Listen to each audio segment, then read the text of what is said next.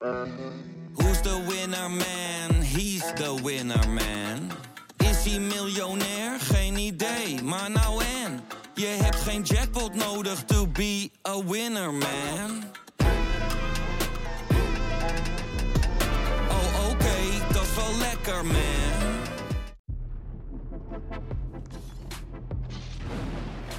Ja, goedemorgen Jarno en welkom bij VIZSM van maandag 2 januari van het jaar 2023. Ja, mooi hè. Die introductie die deed Kees Jansma natuurlijk altijd. En dat, dat voelde wel vertrouwd op de zondag. Mag ik jou eh, een gelukkig nieuwjaar wensen bij deze? Zeker. Ik wil jou ook eh, de beste wens toewensen. Want eh, ja, we hebben 2022 inderdaad net achter de rug. Maar 2023 gaat er veel veranderen. We zitten nu nog eventjes in deze studio. Straks gaan we verhuizen naar, ja, naar een nieuw kantoor. Dus we moeten nog een paar weken in het oude pand werken. En dan is alles anders, toch Matthijs? Dan is alles anders. En ik ben hartstikke blij dat ik deze VIZSM met jou mag opnemen. Want wij gaan er samen weer een fantastisch jaar eh, van maken bij VI, toch? We gaan er alles aan doen en we gaan weer mooie content maken. De, de bekende content met buitenlands voetbal, uh, met Soelie, Bas, Pieter. Maar ook heel veel eredivisie. We gaan een nieuwe eredivisie show maken op maandag met uh, Stef de Bond en eigenlijk alle clubwatchers die langs de eredivisievelden wekelijks te vinden zijn. Ja, en daarnaast ook natuurlijk veel analyses en ook wel wat losse rubrieken, toch? Zeker weten. Dat uh, gaan we nog niet allemaal verklappen natuurlijk. Maar dat uh, komt helemaal goed natuurlijk. Gaan we het hebben over Cristiano Ronaldo. Want daar is de laatste tijd natuurlijk ontzettend veel over gegaan. Um, allereerst zijn transfer naar Al Nasser. Ontzettend veel geld mee gemoeid natuurlijk. Ja. Um, wat was jouw eerste reactie eigenlijk toen dat rondkwam? Nou ja, kijk, stiekem heb je de hoop. En volgens mij had hij dat zelf ook. Want dan ga je misschien gelijk ook naar het meest gelezen item. Ja. Uh, dat, dat hij nog een keer terug zou keren. Want hij had stiekem de hoop op Real Madrid. Uh, trainer daar een tijdje mee. Zijn zoon uh, gaat daar volgens mij ook in de jeugdopleiding weer voetballen. Ja, dat zou heel mooi zijn. Maar de vraag is dan vaak ook van spelers die een dergelijke terugkeer ja, naar een bepaalde club, die dan nemen dan ook genoegen met een rol op tweede plan. Neem Klaas-Jan Huntelaar, die vanaf het begin zei, ik ga terug bij Ajax, maar ik ben de tweede spits achter Dolberg ja, goed, zou Real Madrid een dergelijke constructie aangaan waarbij hij dus zijn plek zou kennen en echt zo van, ja jongens, ik ben uh, de twaalfde man. Op het moment dat we in nood zijn, dan kan je me inbrengen. En op het moment dat jullie me nodig hebben, uh, dan sta ik er. Dan zou dat geweldig zijn natuurlijk, want dan zie je hem wel weer in de Champions League, grote wedstrijden. Ja, dat, dat zijn ook wel de momenten dat je hem graag zou willen zien. Ja. De andere kant is, uh, Manchester United is niet ja, geworden waarvan hij, waarop hij had gehoopt. Terwijl zijn statistieken nog steeds echt prima zijn. Daar, daar ligt het niet aan. Dus je moet eh, bepaalde spelers ook wel herinneren ja, met de grote momenten. En ja, de vraag is of, of dat bij een topclub nog zou kunnen of niet. Dat, dat weet je niet. Ik sluit het niet uit, want hij oogt nog steeds hartstikke fit. Maar ja, goed. Maar we hebben het ook het WK gezien, hè? Maakte hij ook niet echt een al te beste indruk. Natuurlijk wel één keer gescoord, maar ja, de minuten die hij heeft gemaakt. Kun jij nog veel momenten van hem herinneren? Nee, niet echt. Eigenlijk helemaal niet. En, en uh, ja, het, het, moment dat hij op de bank zit, dat alle kamers daarop gericht zijn, daar moet ik vooral naar kijken. Dus dat ze niet kijken wat er op het veld gebeurt, maar dat ze vooral naar hem kijken. En, en dat maakt het ook wel heel pijnlijk. De andere kant is wel, um, ja, wat, wat, als je, als je naar de, neem even de situatie bij Manchester United. Daar is veel om te doen. contract wordt ontbonden.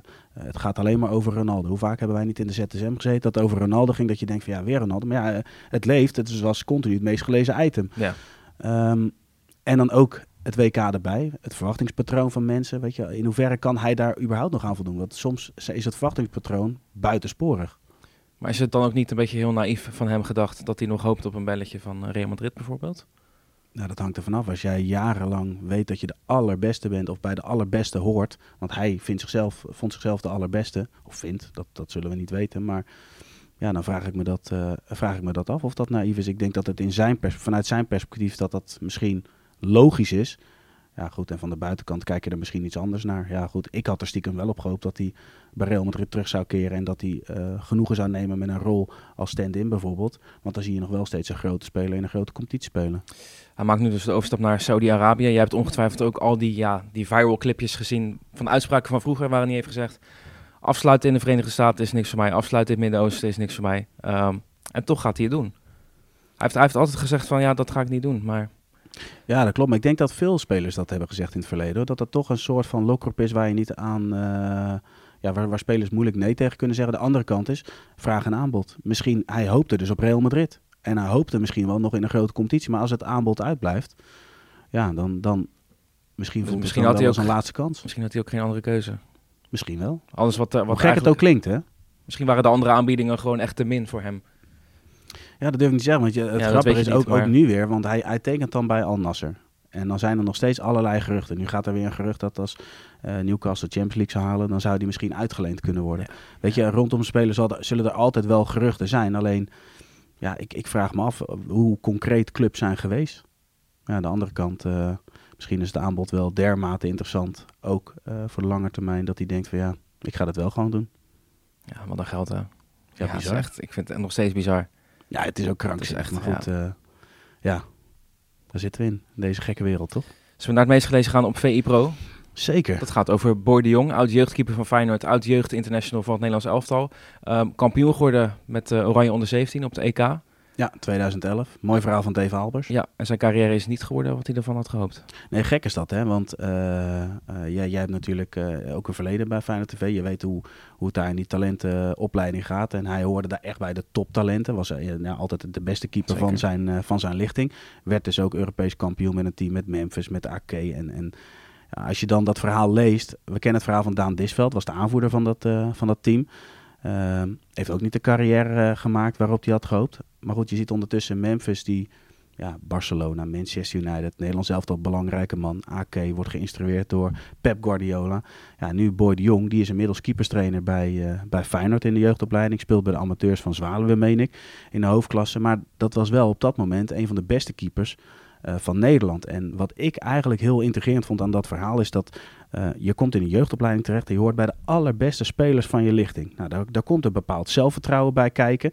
Maar dat zelfvertrouwen kan ook wel eens doorslaan. Want hij zei ook van ja, ik was best wel vol van mezelf. En ik, ik kan me ook niet aan de indruk onttrekken dat veel spelers daarmee te kampen. Op het moment dat je altijd maar opgehemeld wordt en je hoort bij de beste van je lichting. En, en je bent een, een, een ster in de dop en je krijgt het mhm. door. En dan ga je er natuurlijk vanzelf ook in geloven. maar dan komt de situatie dat je van jeugd naar senior gaat. Nou, waar een voetballer makkelijker minuten kan maken als invaller. Af en toe eens een keer in de baas, want je bent een van de tien. Is dat voor een keeper is dat heel anders. En ineens heeft hij met onzekerheden te maken. En dan komt toch weer dat mentale aspect om de hoek. En, en dat vind ik wel interessant als je naar de laatste jaren kijkt. Dan zijn voetballers durven zich steeds meer kwetsbaar op te stellen. Want het is wel degelijk een onderdeel van het hele profbestaan. En dat, jarenlang wordt het een ja, werd het een beetje teniet gedaan van ja, daar moet je niet over praten en uh, onzekerheid. En dat hoort niet in een macho-wereld. Maar ook dit is weer een voorbeeld ervan. Altijd de allerbeste keeper van zijn lichting. Hij wist zeker dat hij het zou gaan maken. Ja, ineens moet hij uitgeleend worden aan Excelsior. Wordt daar tweede keeper. Ja, hij denkt, ja, ik ben altijd de eerste man geweest. Dus ook bij Excelsior kwam hij niet mhm. aan bod.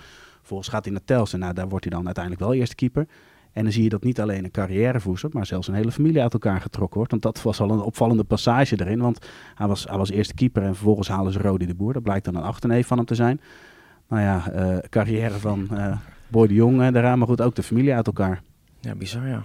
Ja, heel wat, wat, ik eigenlijk het meest, wat ik wel interessant vind eigenlijk, nu hebben we met het Nederlands elftal hebben we een keeper gehad, Andries Noppert, die misschien een soort omgekeerd verhaal heeft beleefd, die misschien niet altijd de beste was, en die uiteindelijk wel, ja, als je eerste keeper bent van het Nederlands elftal, de beste van Nederland is geworden op dat moment.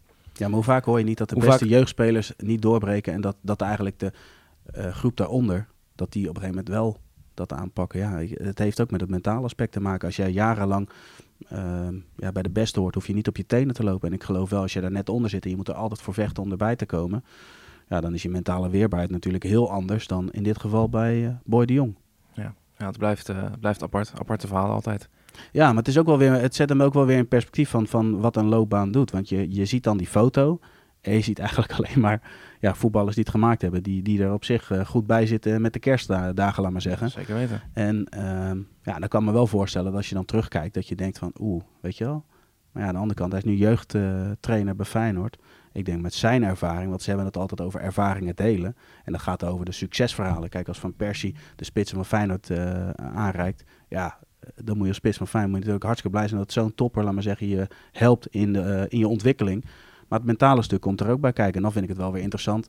Wat is zijn verhaal? In hoeverre kan hij, dus straks de nieuwe topkeeper van Feyenoord, de absolute nummer 1 in de jeugd. Hoe kan hij hem zo prikkelen dat hij niet die uh, loopbaan gaat krijgen zoals Boy Jong, maar dat hij wel door gaat breken. Dat is wel interessant. Zeker interessant. Ja, wat ook interessant is, dat eigenlijk, ja, dit zijn verhalen van Dave Albers, die, uh, die eigenlijk de afgelopen dagen, de, deze week een beetje worden verspreid over VI Pro. Ja. Die hij eerder heeft gemaakt, die nu weer terug te lezen zijn. Uh, ja, er zitten echt, echt fantastische verhalen bij, toch? Ja, zeker. Maar je hebt ook mooie video's gemaakt met ten katen. Ik heb Allemaal zeker leuke video's. Ja, dat waren echt leuke video's, ja. Maar ook komende week veel pareltjes op VI Pro. Absoluut, ja. Dus wat dat betreft, uh, We gaan het hebben over Oranje natuurlijk, met uh, Martijn Kroondam en Simon Zwartkruis. Ja. We gaan nog één keer een video met Ten Kate, Slot, uh, Marie Stijn en Alfred Schreuder uh, plaatsen. Ja, bij, Oranje ga je, bij Oranje ga je vooruitkijken. Ja, gaan we meer vooruitkijken. Ja. Wat, uh, hoe, gaat het, ja, hoe gaat het zijn onder Ronald Koeman die terugkeert bij Nederlands elftal en dat soort dingen. Ja, ik ben vooral benieuwd wie, als hij gaat doorselecteren, wie, wie gaan er wel en niet mee in ja, tijd per Koeman. Ja, types als De Daley Blind, Davy Klaassen, Andries Noppert vind ik ook wel interessant. Ja. Wat daarmee gaat gebeuren. Die Absoluut. Zal, ja, zal er de eerste keer wel bij zitten, toch, denk ik. Daar ga je wel vanuit, maar ja, de andere kant. Ja, ben benieuwd. We gaan het zien. We gaan het zien, Jarno. Tot slot, uh, vandaag ga ik met Sully nog iets opnemen. Uh, we gaan uh, wederom vooruitblikken op 2023. Ja. We gaan eigenlijk heel het jaar voorspellen wie wordt de kampioen in de Premier League, wie wordt de kampioen in La Liga. Zo gaan we een beetje alle competities langs. Dus, ja, we gaan wel even onze rol omdraaien, want ik wil jou nu een vraag stellen. Want jij gaat, jij gaat het nodige bespreken. PSG verliest. Ja. ja? Van Lans. Van Lans. Zijn goed bezig, die ploeg. Zeker, zeker. Fofana was weer goed. En Openda gescoord. Ehm, City speelt gelijk, Arsenal wint, dus loopt verder uit. En Los gaat vrolijk verder met waar hij in uh, Qatar mee bezig was. Ik wil toch een van die drie onderwerpen. Wat zou jij kort willen uh, bespreken? In die zin, wat, wat vond je het meest opvallende van de drie? Op dit moment? Ja. Ja, het meest opvallende toch wel de scheidsrechter, denk ik. Want ja. je ziet toch weer die screenshots voorbij komen met ja, die, zo, hè? twee handen. Met twee handen en, uh, en, en de hele lijst met, met gele kaarten die hij heeft uitgedeeld. En daarna zie je dan een screenshot van Nederland-Argentinië. En dan denk je van, hoe is het toch mogelijk? Ja, bijzonder, ja. Hoe is het mogelijk, joh? Zo'n man die... Zou die een slecht huwelijk hebben thuis? Dat hij niks te vertellen heeft of zo? Ja, geen idee. Zal dat ook de spanning zijn? Want hij is natuurlijk met een ontzettend ja, naargevoel uh, vertrokken ja, vanuit het WK. Hij, hij gaat uh, mensen op de bank geel geven, trainers. Uh, dat, dat, lijkt wel, elke gele kaart die hij kan uitdelen, gaat hij uitdelen. Ja, ja ik ben benieuwd. Heb je dan, heb je dan niet, niet veel te vertellen thuis of zo? Dat je dan in een soort machtspositie zit op als scheidsrechter en dat je daar even gebruik van maakt? Dat ja, vraag ik me dan af. Dat durf, durf, ik niet te zeggen, Matthijs. Ik kan alleen vanuit mijn eigen spreekrecht, uh, vanuit huis uh, spreken. En uh, dat, is, dat is redelijk, redelijk. Dat is redelijk, ja, ja. precies. Maar ik ben wel benieuwd wat uh, Suleiman ervan vindt. Ja, ik ook. Gaan we zeker bespreken. Zeker. Mag ik jou bedanken voor nu? Zeker. Tot ZSM, Jarno. Tot ZSM.